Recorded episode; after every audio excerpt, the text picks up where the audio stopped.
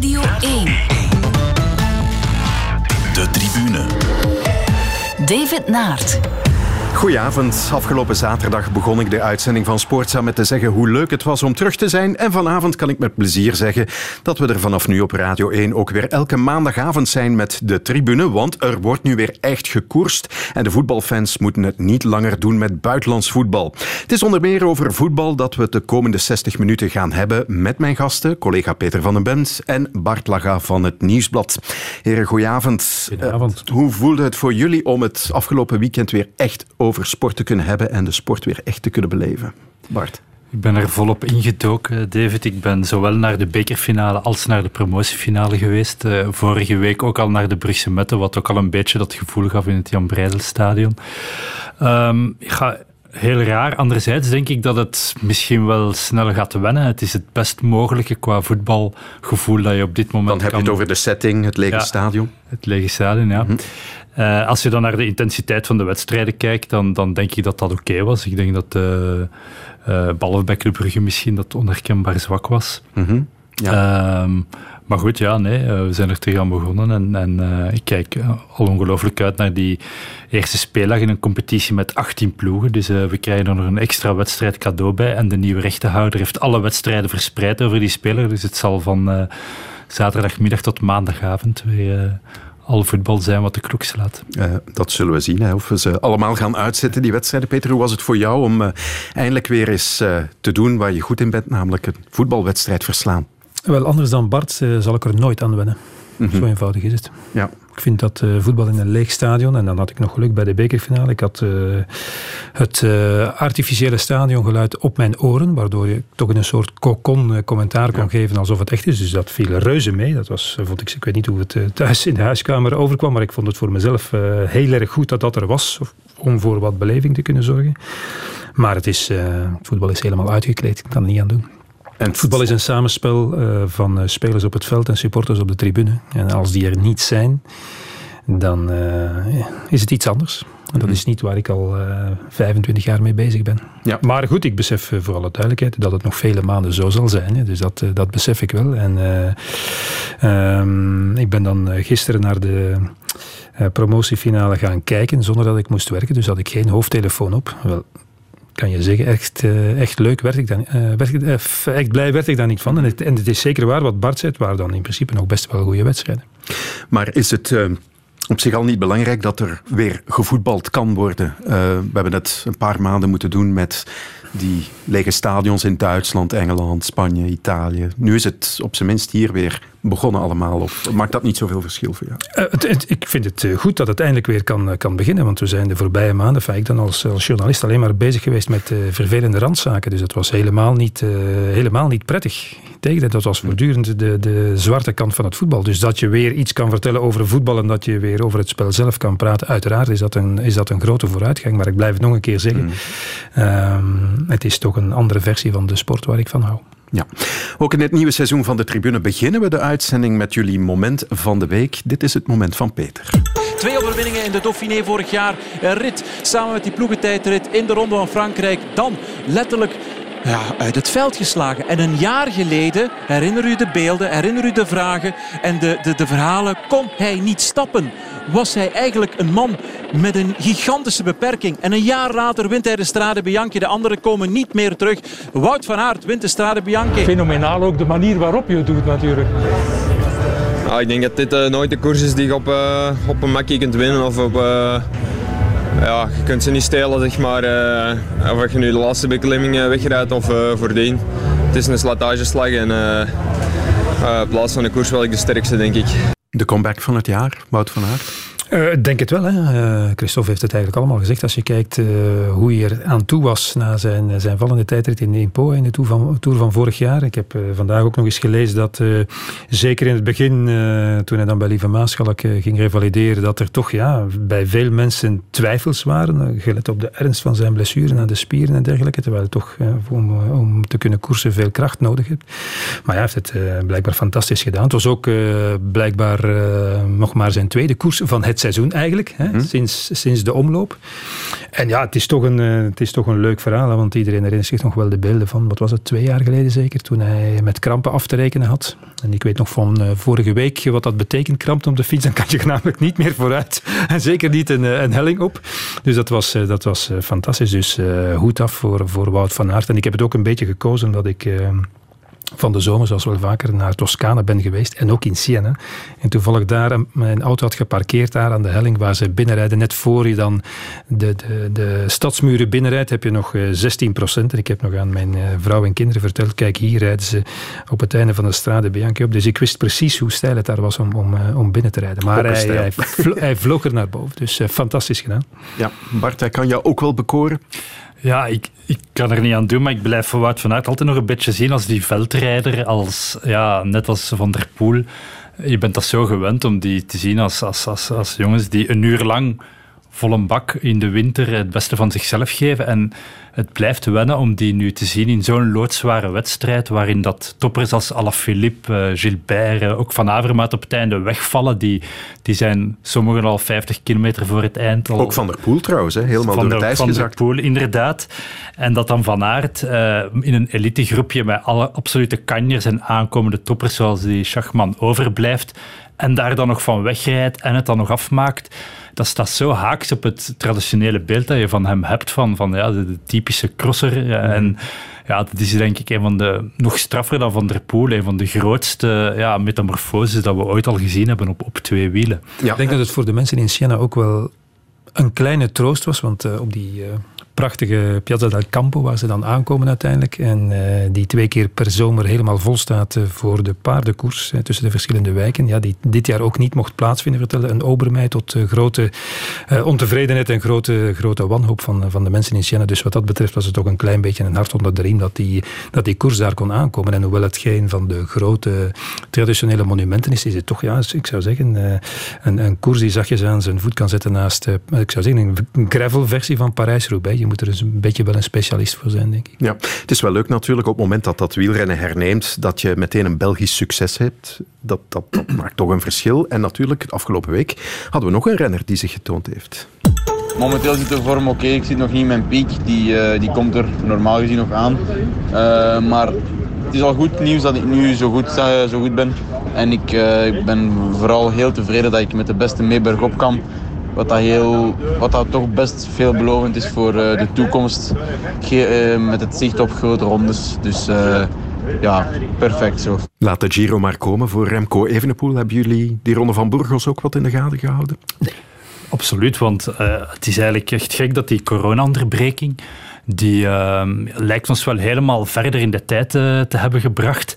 En uh, we zijn ineens wakker geworden in een, in een wereld waarin België weer volop meedoet, ook in het rondrennen. En, en het is een hele gekke gewaarwording. Ik ben bijvoorbeeld geboren in 1978, het jaar dat Eddy Merckx stopte. En mijn hele jeugd en een groot deel van mijn volwassen leven heb ik moeten horen van ja, deze renners zijn wel goed, maar in de tijd van Merckx was dit en dit. En nu ben ik eens benieuwd, gaan we opnieuw naar zo'n ja, hoog, hoogtijd, hoogconjunctuur van het Belgische wielrennen. Ik denk dat we voorzichtig moeten zijn met vergelijkingen, maar ik, ja, dit, dit ziet er toch wel al erg leuk uit, dit, uh, dit eerste weekend nog maar van uh, post-corona wielrennen. Ja, en hij leest de koers duidelijk wel. Hè. Hij weet ook ik kan hier controleren. Terwijl vroeger werd er wel eens gezegd, hij, hij mist dat koersinstinct, hij gaat gewoon volle bak vooruit. Ja, dat zegt hij toch zelf, dat hij enorm veel bijgeleerd heeft over hoe moet hij het indelen en hoe moet hij soms wat uh, temporiseren en de koers controleren. Als je dat op, als jonge snaak al zegt over renners die, uh, die, al, die al jarenlang meedraaien, dat, is, ja, dat getuigt van zelfbewustzijn. Dus ik denk, we gaan het nog moeten zien, want de Giro is drie weken van ja. dat. Totaal onvergelijkbaar met Burgos. Maar goed, het zijn toch altijd weer um, ja, vinkjes, hè, uh, veetjes dat je kan afvinken van ja, ook, ook dit kan hij. Ja. Uh, het, het afmaken op die manier. Ja, vandaar dat ik het uh, even wou laten horen en dat ik mij moeide met jullie momenten. goed, koers en moment Peter hebben gehad. Nu naar het moment van Bart. Ja, we zijn heel content. Hè. Gisteren was het uh, rode zaterdag en vandaag is het maar van zondag. Hè. Het is mooi, hè? zo jong in je trainerscarrière, zo vroeg in je trainerscarrière dit al mogen meemaken. Ja, inderdaad. Ik was te oud om, om te blijven spelen en nu ben ik te jong om, om coach te zijn. Dus uh, ik ben Uh, ik zal de, de jongste coach, coach uit de eerste klasse nu worden.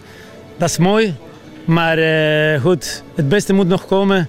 En ik ben bereid om, om, om elke dag te blijven leren. Je stopt nooit met leren en nu even, even genieten van deze momenten. Hernan Losada, coach van Beerschot, de kampioen in 1B.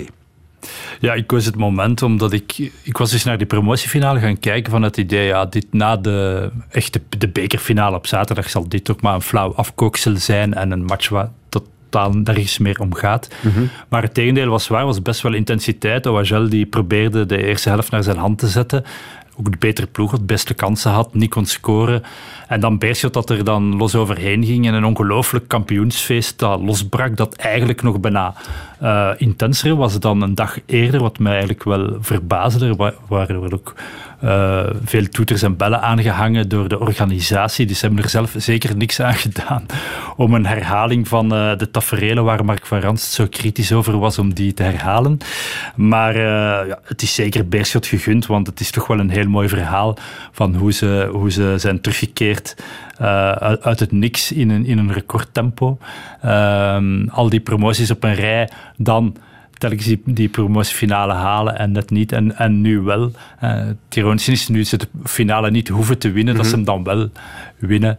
Uh, maar ik vond het mooi om te zien. Het was ook een emotionele Losada. Dan zie je toch wel dat er heel veel... Uh, ook bij de spelers, dat het echt wel nog van belang was, die, die titel. Dat ze daar echt wel aan hielden. Ik denk dat het momenten zijn die ze gaan bijhouden. Misschien een stuk frustratie dat eruit moest ook nog. Nee, ik denk dat ze gewoon kampioen willen, willen zijn. Mhm. Zo simpel is het. De winnaar was, was kampioen en uh, van de winnaar zal niet uh, het hele seizoen kunnen gezegd worden dat hij zijn promotie of zijn plek in de hoogste klasse te danken heeft aan allerlei uh, machinaties binnen de Pro League of aan, aan corona, maar dat hij op uh, welke manier dan ook altijd uh, in eerste klasse zou hebben gevoetbald. En voor de Leuven in dit geval kan die opmerking altijd gemaakt worden. Dus ook dat mhm. speelde mee, denk ik. Plus ja, uh, kampioen willen worden. Meer, meer was het uiteindelijk niet. En ze, ze, hebben toch een, een, een, moeilijk seizoen gehad. Of laten we zeggen, een heel moeilijke eerste periode. Zijn van redelijk ver moeten terugkomen. En ik denk, over de twee wedstrijden vind ik dat, dat de Beerschot verdient naar, naar de hoogste klasse gaat. En dan zeker op basis van de eerste helft, van die eerste wedstrijd. Want als het een beetje tegenzit voor Leuven, een klein beetje mee voor Beerschot, ja, zijn we al klaar met deze dubbele confrontatie aan de rust, bij wijze van spreken. En, uh, maar goed, je weet hoe dat gaat. Gisteren in het voetbal had het ook, uh, had het ook anders kunnen lopen. Ja, Beerschot naar 1A, maar Oud-Heverlee Leuven ook. Zijn ze allebei meerwaarde voor de hoogste klasse? Ik vind dat wel. Ik, uh, ik, ben het eens met mensen die beweren dat 18 clubs te veel is in de hoogste klasse. Dus ik vind dat ook. Maar het zijn niet deze twee die er dan uh, overbodig zijn. Dan kan ik mhm. er wel een paar andere opnoemen natuurlijk. En het is niet voor niets dat de voorbije maanden heel wat clubs die tot de zogenaamde intussen niet meer bestaande K11 behoren, er alles aan gedaan hebben om er zo uh, weinig mogelijk van die twee bij te hebben. Niet voor niets hebben een aantal, ik zal zeggen, manipulatoren binnen de Pro League ook daar gebruik van gemaakt en getelefoneerd en gezegd, pas op, als Leuven en Beerschot erbij komen, dan gaan jullie de volgende zijn die eruit gaan, want daar zit veel buitenlands kapitaal achter. Dus, en zelfs op het veld ze hebben allebei nog wel een paar uh, posities, denk ik, waar ze, waar ze wat versterking kunnen gebruiken. Maar uh, die twee, zeker die heenwedstrijd, en, en gisteren vond ik de eerste helft ook oké na de 0-2. Heb je dus geen wedstrijd meer. Ja. Maar dat was uh, zeker een wedstrijd die, die een plaats zou kunnen hebben in, in de mm van 1A. We gaan het zien. Eerste speeldag staat uh, Beerschot tegenover Oostende en Leuven tegenover Eupen. Dan heb je eigenlijk al wel eens dat duel tussen die top in 1B tegen de staart in 1A. Wie zijn de sterkste? Vorig seizoen hebben we gezien dat Antwerpen en Mechelen heel gemakkelijk hun plaats in 1A hebben ingenomen, omdat die 1B zo competitief is. Ondertussen al die clubs met rijke eigenaar ook wel, wel wat geïnvesteerd hebben. Uh, en inderdaad, wat Peter zegt klopt. Hè, dat was een van de redenen uh, waarom we destijds half mei van het voorstel van 18 naar 16 zijn gegaan. De schrik van de 1B, van de uh, kleine, kleine, clubs om te zakken. van 1A om te zakken. En goed, ja, de, we gaan het nu zien. Dit seizoen, hoe, hoe de waardeverhoudingen liggen. Leuven en Beerschot hebben ja, zeker uh, hun plaats, denk ik, uh, in het profvoetbal. En, en, wie een plaats heeft in het profvoetbal, heeft ook zijn plaats in 1A. Het zijn twee clubs die ook uh, zeer goed gestructureerd zijn. Het zijn niet clubs die van vandaag op morgen plots een zak geld hebben, hebben neergezet en daarmee dan eigenlijk heel snel zijn geëvolueerd tot 1A. Nee, daar zit, een, daar zit een eh, filosofie achter. Het is niet dezelfde, het zijn twee verschillende dingen. En, en uh, Leuven kan kijken naar, naar hoe de eigenaar het bij Leicester heeft gedaan. Ook dat is een geleidelijk verhaal geweest. En het verhaal van een basis leggen waarna je, waarop je dan nadien ook kan voortbouwen. Ook Oké, het posttiteljaar was een beetje moeilijker voor Leicester. Dat lijkt mij, dat lijkt mij logisch na zo'n onwaarschijnlijke mhm. stunt.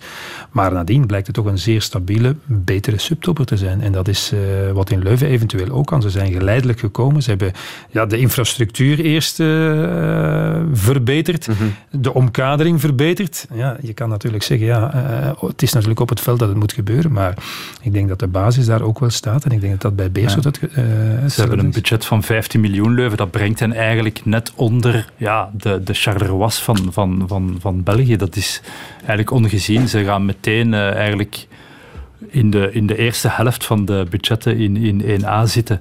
Dus ja, het, er mhm. was eigenlijk wel een reden om hen te vrezen, uh, ja. puur op basis van budget. En is het feit dat ze dan maar uh, beperkt tv-geld krijgen in die twee seizoenen, Beerschot en Oud-Heverlee Leuven, niet zo'n grote handicap?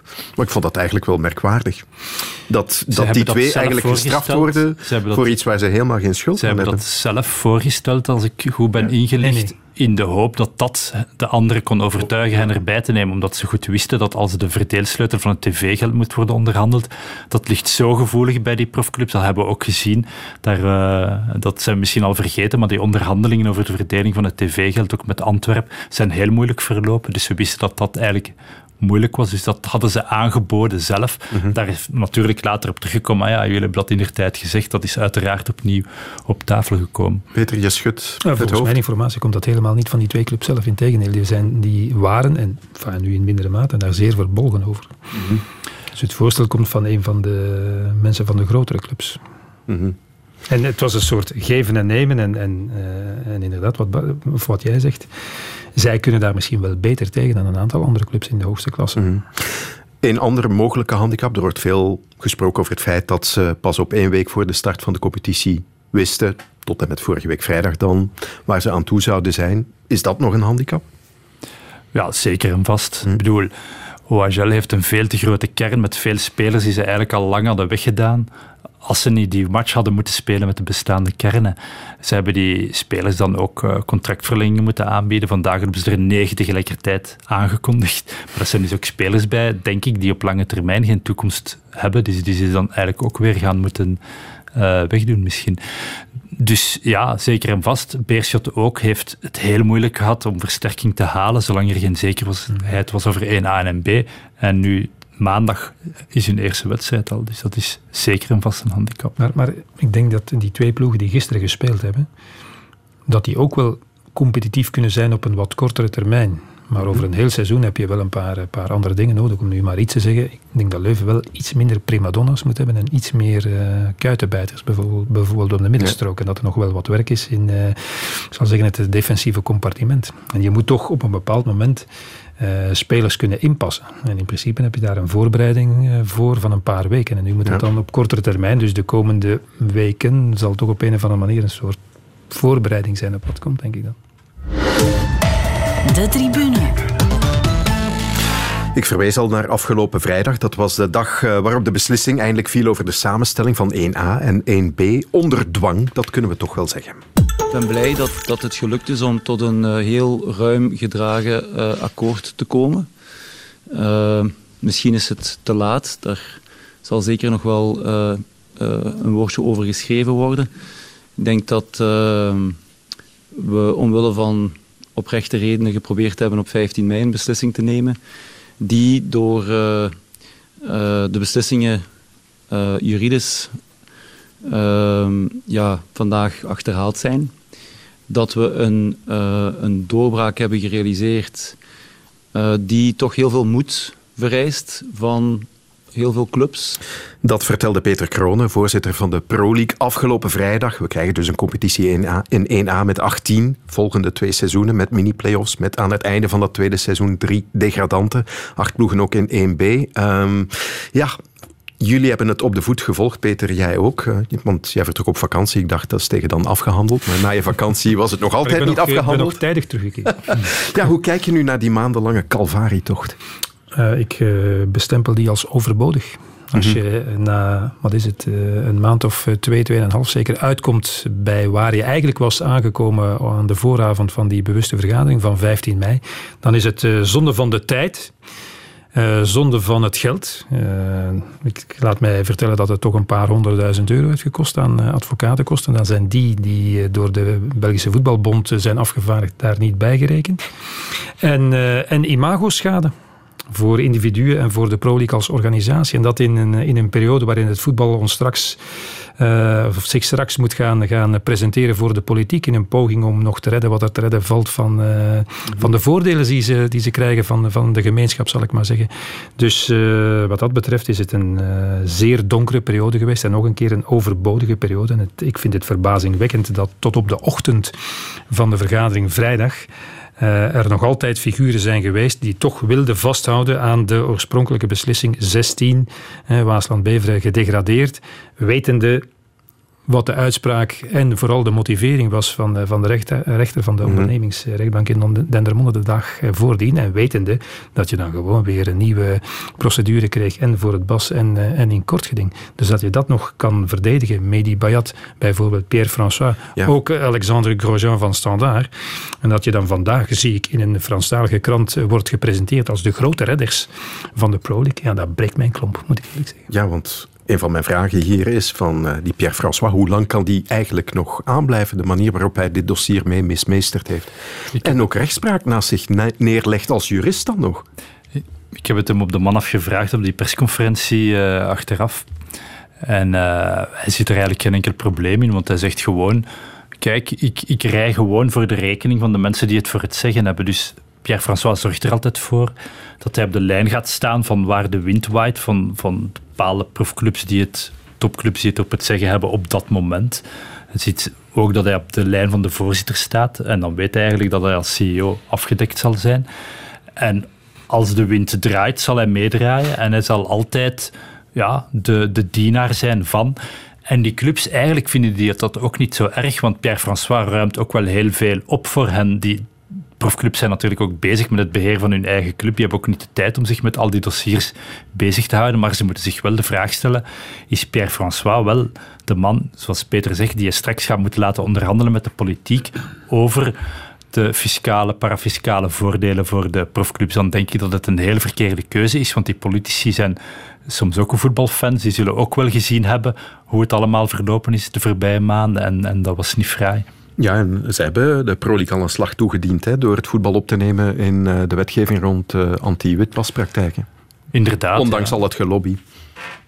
Inderdaad, en, en onbegrijpelijk eigenlijk dat ze zich daar, daar ja, ook weer tegen proberen te verzetten. Je zou toch wel verwachten dat ze eigenlijk mee, uh, gezien wat er allemaal gebeurt... Zeker na Operatie Zero. Na het schandaal proper handen, dat ze daar ja, toch een beetje zelf kritischer zouden zijn. Maar het is allemaal, nee, het tegendeel is eigenlijk aan de hand. Proberen dat allemaal uh, juridisch in te dekken. Waarom? Ja, omdat natuurlijk ook enkele belangrijke voetballeiders vrezen. Uh, we hebben de spijt op Tante Velkovic, die uiteraard zijn boekje heeft opengedaan. We weten nog altijd niet wat, maar er zijn zeker clubs binnen de Pro League uh, in betrokken die, die ervoor zullen opdraaien en die de Pro League nu ertoe aanzetten om net niet te veel meer in dat potje te roeren. Ja, uh, maar nu terug naar het, naar het gedoe rond uh, de competitie en het format. Ja, de carousel is nog altijd aan het draaien. Hè? Westerlo is vandaag naar de rechter gestapt. Ik wil ook in één aanspelen. Ik denk ook dat ze uitbolt, de carousel, eerlijk gezegd. En, en uh, voor één keer ben ik het aan eens met het antwoord van Pierre-François op de, op de persconferentie over een eventuele procedure van, van Westerlo. Ja, die clubs die nu naar de rechtbank zijn gestapt, of tenminste degenen die er zijn bijgehaald, die waren op het moment van het eh, stopzetten van het voetbal allemaal nog, of kwamen nog in aanmerking voor ofwel het behoud Waasland-Beveren, ofwel promotie. Oud-Evelen Leuven en Beerschot. En dat was voor Westerlo niet meer het geval. Als je het hmm. zou omtunen tot een bekercompetitie, was Westerlo uitgeschakeld. Er is geen enkel reglement dat uh, Westerlo alsnog voorbij dan een, een, uh, een van die twee, de eventueel de verliezende finalist van de promotiefinale, dan kan laten promoveren. Dat is, dat is niet conform het reglement. Dat is waar, Peter. Maar wie was dan wel weer de man die Westerlo uitzicht gaf op mogelijke promotie? Ook weer Pierre-François, die met het idee op, op, de proppen kwam. Als de promotiewedstrijd Beerschot OHL niet meer kan worden gespeeld, dan laten we Westerlo promoveren. Dus ja, zo werken ze het natuurlijk weer zelf in de hand. Mhm. Dus ja, ik denk ook dat Westerlo minder kans heeft op slagen dan Waasland-Beveren. Maar ja, het is een rechter, een rechtbank zal oordelen en er zal voor een stuk altijd onzekerheid zijn. Het is niet de eerste keer dat de Pro League uh, er zich aan mispakt. Ik durf geen voorspellingen meer te doen. Ja, en uh, in het weekend hadden we dan Roeselaar ook nog uh, dat de plaats van de belofte van Club Brugge komt opeisen in 1B. Maar dat is toch om te lachen. Die club heeft geen licentie gekregen. Misschien kan de club eerst proberen om de rekeningen te betalen, om ja. de spelers te betalen en om niet een hele afdeling een heel seizoen te gijzelen. En dan pas, want ik weet het wel, in, eh, in bewering is ja, maar we hebben nu een nieuw investeerder en we hebben nieuw kapitaal, kunnen een nieuw ja, maar de deadline ligt wel al een heel dat lijkt mij wel. Dus ja, ja dat, zijn, dat noem ik dan toch achterhoede gevechten, eerlijk gezegd. Maar goed, iedereen uh, is vrij om... Uh, Virton, dat is natuurlijk het grote... ook nog altijd bezig. Die betalen al maandenlang alleen maar advocaten en geen voetballers. Maar ja, die blijven ook ergens nog in het heelal van de Pro League. Maar dan is het toch rekenen op common sense bij de, de rechter die de uitspraak doet om daar niet in mee te wandelen. Ja. In zekere zin ben ik de Pro League dankbaar, want ze hebben ons maanden bezig gehouden in periodes dat er niet werd gevoetbald. Maar, maar serieus nu, hoe kunnen we dit nu in de toekomst vermijden? want dit is toch niet meer voor herhaling vatbaar. En met de onzekerheid rond corona is er geen enkele garantie dat het niet opnieuw gebeurt. Ik denk als je de analyse maakt van die voorbije maanden, heeft de Pro League denk ik twee grote blunders gemaakt. Ze hebben eerst nagelaten om op 15 mei. Uh, en ze wilden toen Waasland Beveren laten degraderen. Oké, die beslissing hadden ze kunnen nemen, maar dan hadden ze ook 1B op dezelfde manier moeten beëindigen. Of ze hadden die 30e speeldag nog moeten spelen. Uiteindelijk zijn ze op dat verschillende behandeling tussen 1A en B gepakt geweest door het BAS. En daar hebben ze de tweede grote fout gemaakt. Hebben ze de beslissing van het BAS naast zich neergelegd. Uh, wat dan aanleiding heeft gegeven tot processen. En dan ben je vertrokken voor een juridische uh, ja, soap waar, die je niet meer kan beheren en, en die tot het gezichtsverlies heeft geleden. Dus wat er nu moet gebeuren is heel duidelijk. Er moeten uh, afspraken worden gemaakt. Gaan we het BAS nog erkennen, ja of nee? Is het antwoord ja, ja, leg u dan ook bij die beslissingen neer. Maar vooral zorg ervoor dat je beslissingen neemt die niet worden aangevallen en dan iedereen, Peter zei het ook, alle waarnemers, alle, de meeste clubs zeiden het ook, de werkgroep van de Pro League zei het ook, dat 18 de beste formule was. Ja, maar men is minister heeft ervoor gekozen om de confrontatie aan te gaan. En ik denk dat dat dus een heel verkeerde keuze was. Maar, maar als je het hebt over hoe moet het dan verder? Iedereen praat er nu over dat we een onafhankelijke voorzitter moeten krijgen. Maar iemand moet het begrip onafhankelijk dan een keer definiëren. Want we hebben al een paar keer mensen gehad aan het hoofd van de Pro League die niet uh, verbonden waren aan een club. Maar iedereen heeft een, heeft een verleden. En, en uh, het verleden heeft aangetoond dat als die uh, zogezegd onafhankelijke voorzitter dan toch een onafhankelijke koers wil varen en een aantal uh, zeer uh, belang hebben of zeer, uh, een aantal zwaargewichten zal ik maar zeggen, tegen de haren strijkt, binnen de kortste keren wordt die man afgeserveerd. Dus zo eenvoudig is het niet. En je moet toch altijd op een of andere manier een soort voeling hebben met, met, met het voetbal zelf ook. En, en ik zou zeggen, het, het beste voorbeeld is, is de Premier League. Ik denk dat, dat dat kan je een onafhankelijke instantie noemen. En oké, die die daar zijn ook altijd invloeden die spelen. Maar dat lijkt me echt een onafhankelijke instantie. Maar dat zie ik op korte termijn bij ons ik denk uh, niet wel dat... Ja, sorry. Ik denk wel dat we ermee rekening zullen houden dat er ja, in de toekomst nog rechtszaken zullen volgen. De cultuur is ook veranderd. Je ziet dat ook in het bedrijfsleven. In multinationals gaan elkaar ook schrikken er ook niet voor terug om elkaar processen aan te doen. En de tijd dat alles in minne geregeld werd in de Pro League en, en onder heren, dat, dat, dat is gewoon voorbij. Er gaat te veel geld in om. En veel clubs zijn eigenaren van, uh, eigendom van buitenlandse eigenaren. Zoals die man van Westerlo is een Turkse eigenaar die zegt, ja, ik wil ook gewoon puur voor de rechtbank all the way gaan. Ik heb niks te verliezen, ik ga ervoor. Dus ja, dat gaat blijven gebeuren, vrees ik. De tribune. We gaan even weg van het voetbal, want de wereld van de gymnastiek staat in rep en roer. Dat was al wel even zo in de Verenigde Staten en Groot-Brittannië, maar nu ook in Nederland en in België. Het begon met het interview van Gert Beltman, ex-trainer van onder meer Aagje van Wallegem, over fouten die hij gemaakt heeft. En dan ging het vooral over verbale intimidatie. Kort daarna kwamen er getuigenissen over de huidige topcoaches van de Gymfederatie, Marjorie Euls en Yves Kiefer. Een ethische commissie is aangesteld om na te gaan of er zaken gebeurd zijn, of nog altijd gebeuren, zaken die niet door de beugel kunnen. Maar dat volstaat niet om de gemoederen te bedaren. Een aantal ex-turnsters die getuigd hebben over mentaal misbruik door de trainers van de Turnbond vraagt in een open brief duidelijke maatregelen en excuses van de Turnbond. De brief is onder meer ondertekend door Aagje van Walgem, Gail Meijs en Laura Waam. Die laatste twee waren er nog bij op de Olympische Spelen in 2016. Over de problemen in de gymnastiek heb ik eerder vandaag gesproken met collega Steffi Merlevede. Zij is erg thuis in de wereld van de gymnastiek en het is duidelijk, het stof is nog lang niet gaan liggen. Nee, dat is heel duidelijk. Hè. Er blijven maar getuigenissen bijkomen, ook van meisjes die zich mentaal misbruik, misbruikt hebben gevoeld door de coaches in topsportcentrum in Gent, inderdaad. Ja, ik vind het allemaal heel erg moeilijk, eerlijk gezegd, om daarover te oordelen. Want ja, wij waren daar niet bij natuurlijk. Maar het is wel heel duidelijk, vind ik, dat we geval per geval, dat dat goed moet onderzocht worden. Dat al die turnsters ook moeten gehoord worden, allemaal. En niet enkel die, die sinds 2016 gestopt zijn. Of, of enkele uitnodigen, zoals de Gymnastiekfederatie nu blijkbaar eh, van plan is. En ook duidelijk is ja, dat er maatregelen moeten genomen worden als die verhalen kloppen. Maar um, ja, wat mij wel frappeert, is dat de Gymnastiekfederatie in dit alles alles toch weer heel gesloten blijft. Eh, van wat ik begrijp zou er deze week wel overleg zijn daar over hoe ze nu verder gaan communiceren, wat de verdere stappen zouden zijn. Maar ja, ze laten de communicatie volledig aan algemeen manager Lode Grosse, die daar bovendien binnenkort vertrekt. En de voorzitter bijvoorbeeld, die hoor je helemaal niet. Maar uh, naar ik begrijp, ik heb even rondgebeld naar een paar mensen. Ze mogen gewoon allemaal niet praten. Het is zo afgesproken, enkel Lode Grosse communiceert. Terwijl het in deze ja, net heel belangrijk is, denk ik, en een statement ook zou kunnen zijn om net wel open uh, te zijn. Het is ook duidelijk een oud zeer hè, bij de Gymnastiekfederatie. Ik herinner mij bijvoorbeeld, um, ik denk dat het 2006, 2007 moet geweest zijn, onder Gerrit Beltman nog, die toen met uh, Aagje van Wallegem werkte. Toen was um, een artikel verschenen in een van de kranten onder de titel Mijn turnsters menstrueerden niet. En dat uh, zou een uitspraak geweest zijn van Beltman, die de menstruatie van zijn turnsters wou tegengaan, om zo ervoor te zorgen dat ze die vrouwelijke vormen niet uh, ontwikkelden. En ja, er was toen net een evenement van de Gymnastiekfederatie en wij als pers werden toen meteen gezegd van oké, okay, daar worden hier vandaag geen vragen over gesteld. Ja, en ik weet nog dat ik het zelf probeerde bij Gerrit Beltman, daar toch op het einde van mijn interview een vraag over stelde.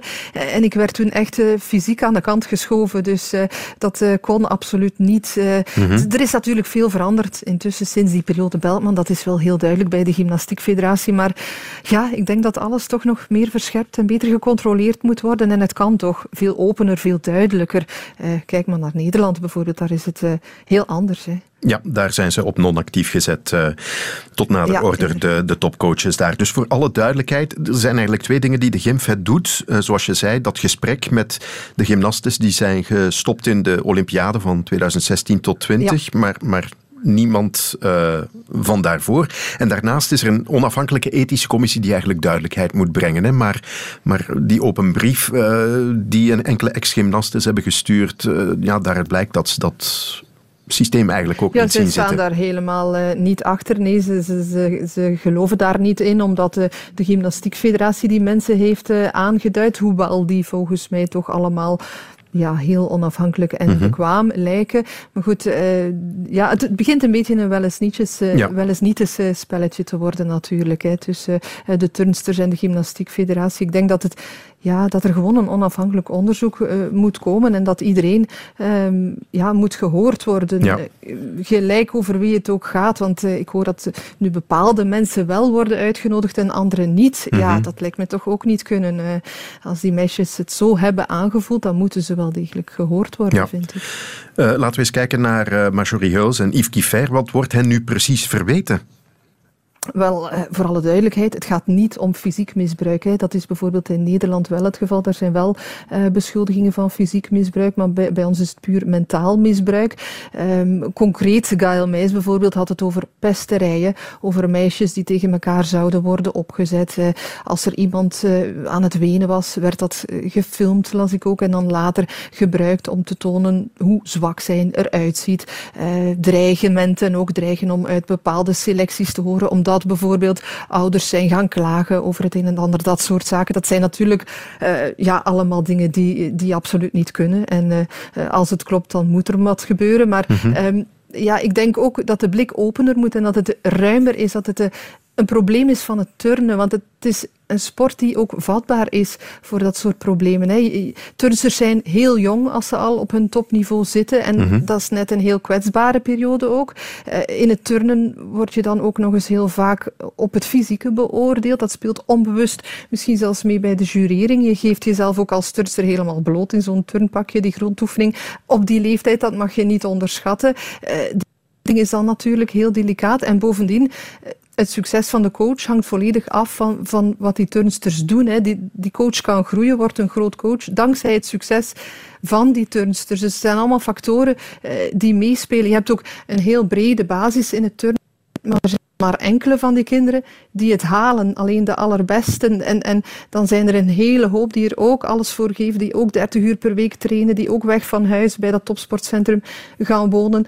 Maar een lichaam kan het bijvoorbeeld fysiek niet aan en ze halen het niet. Dus dat, dat, is, al, dat is keihard, dat kan een heel zware ontgoocheling eh, zijn. Dat zijn allemaal factoren eh, ja, die meespelen en, en die van het turnen een sport maken die heel vatbaar is voor dit soort zaken. En dan Ja.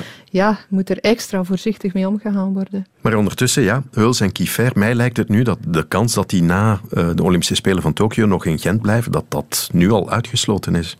Dat die hun conclusies al getrokken hebben. Dat is nog niet helemaal zeker, denk ik. Ik heb eens rondgehoord binnen de Gymnastiekfederatie. En ja, het is heel lastig op dit moment, dat is wel heel duidelijk. Maar ik denk niet dat ze de beslissing op dit moment al genomen hebben. Eh, Ik hoor ook dat ze echt wel geneigd waren om te blijven na de Olympische Spelen. Het had onder meer te maken met het feit dat er ehm, een project op tafel ligt om nog meer met de Waalse Federatie te gaan samenwerken, Mhm. om Waalse talenten beter te gaan detecteren. Maar ja, dat het nu lastiger zal worden, ik denk dat dat heel duidelijk wordt. eh, eh, maar dat we misschien gaan moeten afwachten eh, ja, wat er nog allemaal uit de bus komt eh, bij die ethische commissie, de onderzoeken. Nu, in elk geval, als ze zouden vertrekken, wordt het heel lastig hè, voor de Gymnastiekfederatie om die te vervangen, want zij zijn echt wel de architecten van het succes van de turnsters. Mhm. Eh, sinds hun komst is daar een hele structuur op poten gezet. Het is veel professioneler geworden, veel meer begeleiding op elk mogelijk vlak. Eh, ik en veel harder. krant... En veel harder misschien ook wel. En misschien ook wel eh, een stuk harder geworden. Al was het onder Beltman zeker en vast ook wel eh, harder, denk ik. Eh, maar goed, ik las ergens niet dat, er niet dat er Waal heeft zoveel talent. Ze kan ook zonder Kiefer en Euls. Maar ja, ik denk niet dat dat waar is. Ik denk dat die toch wel heel erg belangrijk zijn Ja. voor haar. En, en ja, je zei daarnet, in Nederland hebben ze de hoofdcoaches op non-actief gezet. Ehm, het systeem in Nederland is ook anders. Die topturnsters daar turnen ook nog bij hun lokale club. Terwijl hier de topturnsters turnen enkel in Gent. Dus als Mhm. die coaches wegvallen, ja, dan is dat veel, eh, ja, een veel groter probleem hè, voor de turnsters hier. Dus eh, Ja. hun belang is niet te onderschatten.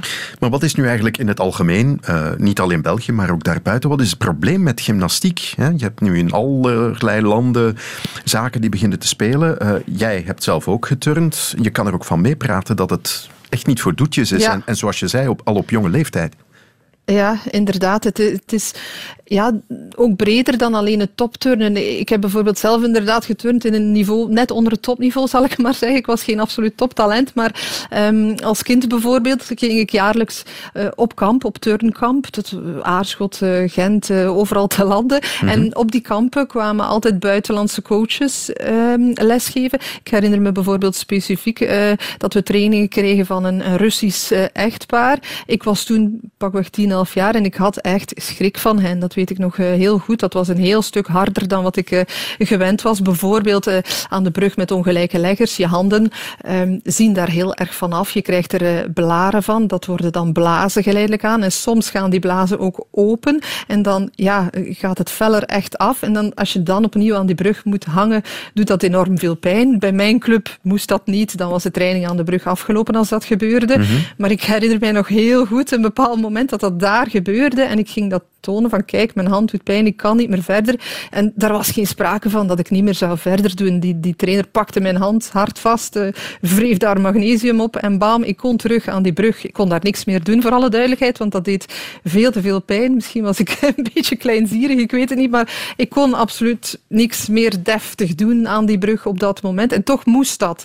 Ja. Achteraf vraag ik me af, ja, waarom in godsnaam? Ik kon, kon niet meer deftig trainen. Dat was gewoon ja, om me harder te maken ongeveer. Ongetwijfeld. Uh, maar voor de rest had dat eigenlijk geen enkel ja, effect. En ik weet wel, topsport, dat is natuurlijk keihard. Maar ja, er is wel een grens waarbij het overgaat van hard zijn in machtsmisbruik. En, en die grens ja. moeten volwassenen aanvoelen. Dat was een gesprek dat ik eerder vandaag had met Steffi Merlevede. Uh, ik leg de kwestie ook nog even voor aan jou, Bart, want jij wou er nog iets over kwijt. Ja, we hebben in Nieuwsblad er ook veel over geschreven. Ik heb het allemaal met, met aandacht gelezen. Ik heb dan ook de persconferentie gezien die dan belegd is geweest, waarin Nina Terwaal het eigenlijk opnam voor haar twee coaches. En ja, zij is 20 jaar. Uh, zij kan als volwassen vrouw maakt ze natuurlijk, uh, zegt zij wat, wat, ze wil. Maar ik heb daar, ja, ik had er toch wel een beetje een dubbele gevoel bij. Van, is het dan de taak van Nina Derwalen om eigenlijk die verdediging op te nemen? Want ja, ze zegt dan ook, ik heb die coaches nodig voor mijn Olympische medaille. En dan vind ik dat je eigenlijk de, ja, het huidige probleem dat zich stelt Um, wat vermengt met dan de kwestie van ja, brengen we de gouden medaille van Nina Derwaal in gevaar? Um, ja, ik vond dat tricky en ik had een. Uh, ik, vroeg me af, was dat nu haar keuze om dat te doen? Of had ze toch misschien niet beter wat afstand genomen? Er is uiteindelijk toch nog een volledig jaar tot die Spelen. Uh, ik weet wel, um, het is elke dag werken en de concurrenten gaan ook vooruit. En zij moet ook zien dat haar oefening goed mm genoeg is. Ik denk dat ze het gewoon op heel korte termijn wilde ontmijnen om de, de rust ja, te laten terugkeren. Het, maar of dat de juiste tactiek is... Het kan net het tegenovergestelde zijn, want moest er, nu, er zijn dan nieuwe getuigenissen gekomen mm -hmm. van mensen die dan haar weer tegenspraken.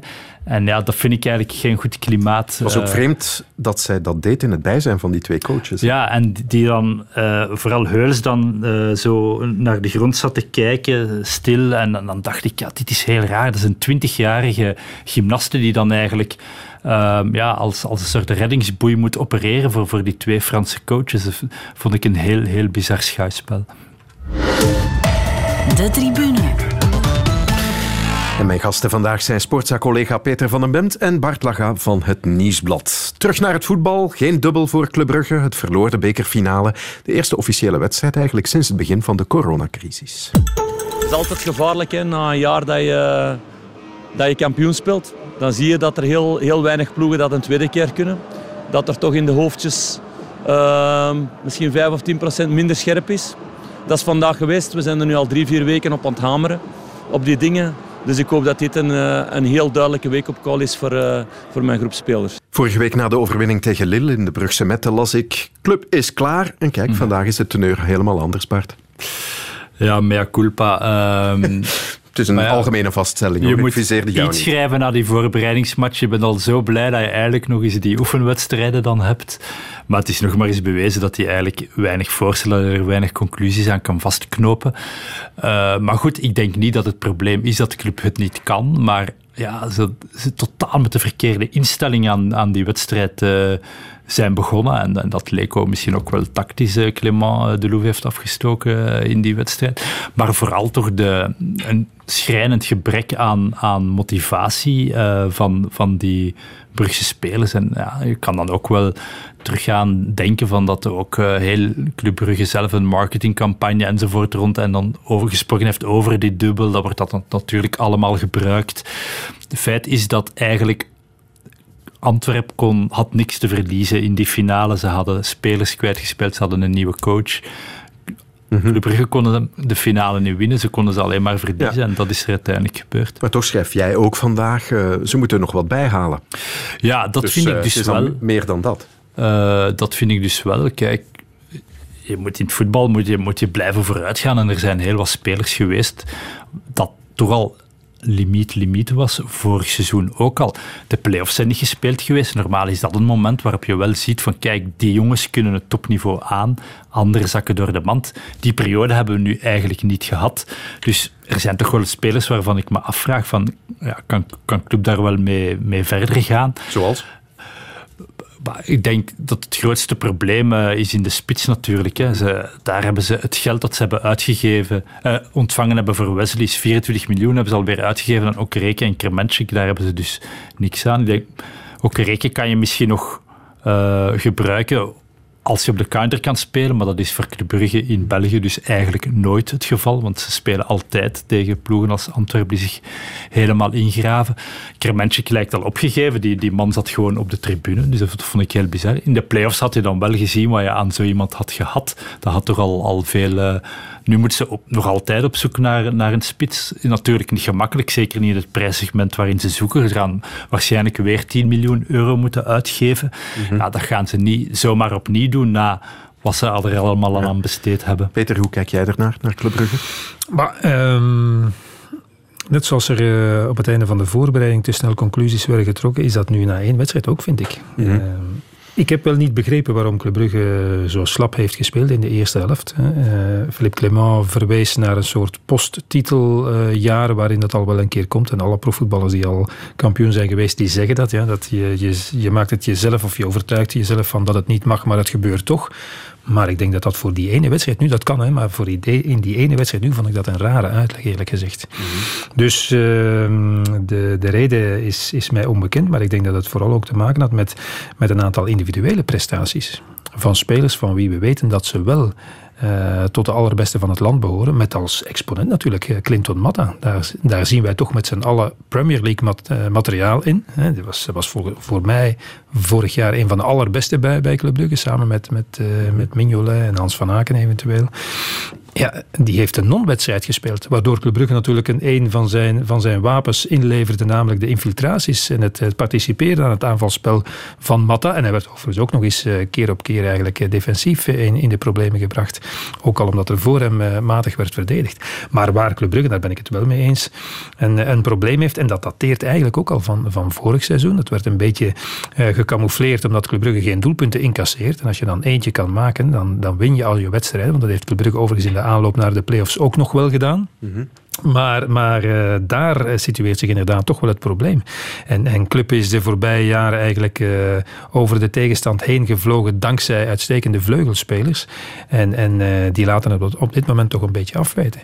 Dus, dus daar heeft Club Brugge op termijn wel een probleem. Maar ik, ik, ik was wel verbaasd over de, de mate van gestrengheid waarmee ook over Philippe Clement werd geoordeeld. Mm -hmm het lijkt wel alsof de trainer van het jaar, van de voorbije twee jaar eigenlijk, ineens een uh, uh, geweldig had geflaterd. werd gezegd, ja, waarom brengt hij Dennis niet in? Ik denk dat als Philippe Clement Emmanuel Dennis niet inbrengt bij een 1-0 achterstand, dan heeft hij daar een zeer goede reden voor, namelijk die wij dan niet kennen van tijdens de week. Als hij gedacht had dat Dennis het zou kunnen doen voor hem, dan had hij hem zeker wel ja. gebracht. Dat is ongetwijfeld zo, Peter. Maar als je dan verwijst naar Matta en je kan ook die, Diatta nemen als die ver beneden de maat was. Van Aken en Van Aken en Vormer ook. Hè, vooral, ja. Uh, en ook, maar Matta, Diatta en ook Balanta, die hebben eigenlijk heel weinig gespeeld in de voorbereidingen. En ja, dat, dat wist je zomaar niet weg. Er was een duidelijk schrijnend gebrek aan matchritme. Die spelen echt op flanellen benen. En ja, zeker tegen zo'n fysieke ploeg als Antwerpen was dat om problemen vragen. Dus dan kan je wel zeggen, dan geeft Philippe Clement enerzijds als verklaring voor Dennis, ja, die was fysiek niet klaar, maar anderzijds zet hij wel drie andere spelers in de ploeg. Ja, maar als hij, moet, als hij de keuze waren. moet maken tussen Kosunu... En, ja, maar, en je, kan, je kan dan... En misschien heeft hij op, op uh, training gezien... Ja, Matta, oké, okay, is, is er waarschijnlijk toch wel klaar voor. Dat is dan niet, niet het geval gebleken. Ja, dan vind ik dat geen onlogische keuze. Trouwens, ik vond die, die wedstrijd tegen, tegen Rijssel in, in de commentaren achteraf ook overroepen. Ik mm-hmm. vond dat helemaal niet zo'n geweldige prestatie waaruit je kon concluderen dat alles wel op wieltjes ging, ging lopen. Nee. nee. maar wat je in die wedstrijd tegen Lille wel had, was dat ze defensief heel stabiel waren en, en in de duels en, en, en stevig waren. Natuurlijk, inderdaad, Lille miste wel een hoop basisspelers. Ik ken, ken ze ook niet allemaal, nee, nee, moet ik toegeven. Uh, maar goed, je ziet wel dat het een goed voetballende ploeg is en dat Club Brugge daar eigenlijk wel redelijk overeind bleef. En die stabiliteit hadden ze vorig jaar ook. En was inderdaad de reden dat ze vaak ook met, met 1-0 en zo wonnen. Mm -hmm. Vaak een doelpunt van opkomende middenvelders als Schrijvers en Rits. Die zaten gisteren ook op de bank. Inderdaad, ik geef toe dat Matta en, en Kosunu, ja, dat is onvergelijkbaar. Kies je mm -hmm. zelfs misschien voor een halffitte Matta. Maar Rits vind ik toch minstens zo goed als Balanta. Uh, een Siebe Schrijvers heeft maar heel mooie ook, Bart, in, in, de grote wedstrijden was het ook altijd Balanta. Ja, altijd ja, ja, dat is waar. Die, dat was ook, en, en die heeft ook, was ook heel... Hij, Philippe Clement, en dat kan ik wel begrijpen, heeft gekozen voor de basisploeg van vorig seizoen om die bekerfinale te spelen. En daar zit wel een, een soort sentimentele logica achter. Mm -hmm. Van ja, die ploeg van voor die kampioenenploeg moet de kans krijgen om de dubbel te winnen. Maar te veel spelers, en ook Hans van Aken bijvoorbeeld, hebben niet thuisgegeven. Ja. We hebben niet zoveel tijd meer. We moeten het toch nog over Antwerp hebben natuurlijk ook. Want uh, knap hoe ze dat gedaan hebben. Uh, met, zoals je zei, tactiek van Leco. En de tweede helft dan een flinke portie Beleuni nog. Uh, maar ook in de eerste helft al een flinke ja. portie Beleuni en uh, lichtjes andere uitvoering. Dus, dus alle ingrediënten die Antwerpen eigenlijk in, in die twee, drie jaar weer helemaal op de kaart heeft gezet, wel, die zaten in die wedstrijd. En, en, uh, en zij hebben wat Club Brugge dan niet heeft. En, en dan zie je zeker op de, in de manier waarop, waarop Antwerpen speelde. Ja, ze hebben wel Dieu Merci en Bocani vooraan. Ja, zijn ja. die bij in, in dit Club Brugge. En je hebt ook een ander verhaal natuurlijk. Dus ja, wat dat betreft heeft, heeft Leco, en dat kan hij wel, omdat hij zelf een onwaarschijnlijke winnaar is, heeft hij zijn ploeg gewoon heel erg scherp en klaar gekregen. En zal hij inderdaad, wat Bart zegt, uh, de, de campagnes die Club Brugge gelanceerd heeft, uh, af en toe wel een keer gebruikt hebben. En had de, de spelers in interviews ook slim aangegeven. Ja, we zijn kansloos. Rafael had dat gedaan in, in de kranten van, ja, we zijn, we zijn eigenlijk helemaal onthoofd. Dus uh, de collectieve prestatie en individuele prestaties, niet alleen verdedigend, maar ook, maar ook voetballend aanvallend, waren heel erg goed. Want ik moet eerlijk zeggen, Rafael vond ik te streng voor zijn eigen ploeg. Ik vind helemaal niet dat Antwerp antivoetbal heeft gespeeld. Zoals hij zei, ja, tweede helft een beetje antivoetbal. Oké, okay. ze hebben verdedigd en ze moesten terug. En ze stonden vaak met z'n tienen uiteindelijk in, in de eigen rechthoek. Onder dan een beetje druk van, van Club Brugge. En, en ze kwamen er voetballend niet meer uit, maar niet zozeer omdat ze niet wilden, ook omdat er velen dan toch stilaan op hun tandvlees kwamen te zitten door de vele energie die ze hebben verbruikt. Maar, maar als je zag in bepaalde uh, fases tegenaanvallen, dan kwamen ze met vijf, zes spelers in de, in de eerste helft. Dus ja, chapeau ja. Voor, de, voor de manier waarop, waarop Antwerpen het heeft aangepakt. En dan is er natuurlijk nog de wonderbaarlijke verrijzenis van Lamke Zee. Uh, Leo Refailov die had er de buik vol van vorig seizoen. En vandaag had Refailov over Lamke Zee het volgende te zeggen. Quality-wise, he showed that he has really high level. And he can help Antwerp a lot. And uh, he's, a, he's a unique player. He can... Uh, He fast, he has technique, he is strong, he can score with the head, he can score with right and left foot. He have a lot of uh, positive things as a football player. But beside that, you have to respect your teammates, you have to respect the club. And I think last year he did a lot of mistake on that point. And I tried to speak with him already many times that uh, for his future, to reach high level of uh, football, to be for football career, that he have to must change something on his uh, lifestyle. I will be very glad for him if he will take a, a mentor or mental coach who can work with him on daily basis because uh, to see this quality uh, just going away uh, with this uh, what God given it will be really pity for him. Ja, uh, Refailov die zegt hij heeft een mental coach nodig eigenlijk op dagelijkse basis. En wat later in dat interview zei hij trouwens ook nog dat uh, met Leco uh, kan hij alvast niet uitsteken wat hij de voorbije twee jaar heeft gedaan. Maar dat was Refailov vandaag over iemand met wie hij toch op gespannen voet leefde hè? Uh, vorig seizoen. Kijk, er is zoveel gebeurd vorig jaar, denk ik dat het heel erg moeilijk is om hem uh, weer te integreren in, in uh, de spelerskern op langere termijn. Voor die ene wedstrijd, daar kan je de spelers nog wel van overtuigen. Als je de juiste dingen zegt, Donofrio, Leco, misschien nog een paar andere mensen, uh, kan je aan, aan ervaren spelers die graag die beker winnen, toch wel zeggen of uitleggen waarom Lamkelzee dan misschien toch maar bij de kern komt en die wedstrijd speelt, zelfs, zelfs begint. Het, het gelijk is bewezen, want hij heeft het uitstekend gedaan, zeker in, in de eerste helft. Maar ik kan me niet voorstellen dat Lamkelzee nog kan geïntegreerd worden op de langere termijn in deze, in deze spelerskern. En met wat, wat Refailov zegt, uh, ook niet met, met die van Leco. Want dan, dan heb je op een bepaald moment toch, toch uh, weer problemen. Want tenzij hij mij uh, verbaast, kan ik me niet voorstellen dat Lamkelzee na deze zomer ineens iemand anders is geworden. Ik zou zeggen, dat zag je al een beetje toen hij ineens weer het veld oprolde bij een, een kleine blessure of helemaal geen blessure, dan, dan denk ik dat is al een klein uh, tekentje van uh, wie hij dan uiteindelijk toch wel echt is. Het was een, een, soort geruststelling, want ik, ik vond het al heel raar. Tja, die Lamkelzee is dan nu wel dezelfde inderdaad als vorig seizoen, maar dan uh, ja. deed hij toch wel dat. Maar ik denk um, ja, dat het bestuur van Antwerpen hem toch nog misschien nog eens een paar Europa League wedstrijden wil laten spelen, om nog eens echt eens in die etalage te zetten. Hopen op eens een, een goede match uh, daar. Op die, uh, ja, dan moeten ze hem al rustig kunnen houden tot oktober. Hè? Ja, Want dan ja. beginnen ze pas. Hè? Dus dat lijkt mij een eeuwigheid. Moeilijk, ja. Maar ik, dat lijkt me toch uh, het pad dat ze willen bewandelen maar, met maar, hem. Maar, maar als je ziet, zoals hij speelde in de eerste helft. En eigenlijk de eerste fase was meteen uh, uh, duidelijk. Hij wilde ook meevoetballen in het collectief, want anders zou hij nog wel een keer ge, teruggekapt hebben en zelf proberen trappen. Nee, hij gaf meteen de bal mee met de Mbokani, was het zeker. Dus daaraan zag je dat hij, dat hij bij de les was. Uh, en ook een paar keer in de tweede maar toen zat hij fysiek toch een beetje, een beetje door. Dus uh, dit was zo één wedstrijd, kan dat natuurlijk wel. Hè. Ik weet niet wat ze hem hebben ingefluisterd, hè, dat hij dacht van ja, misschien zitten er scouts van Barcelona op de tribune, laat het nu een keer zien. Mm -hmm. Maar nog een keer op de langere termijn blijft het toch een moeilijk ja, verhaal. Het is wel een goede voetballer. En de Ja, ene ja. wedstrijd die Club Brugge in de competitie verloor, het was ook eh, tegen Antwerpen en was Slamkelzee ook de man. Dus ja, ik zou Tegen. Kosunu overigens, Bart, dus eh, vandaar misschien dat Clement ook... eh, Ja, ja, inderdaad. Nee, nee, maar goed. Eh nee, Clement, ja, oké, de keuzes.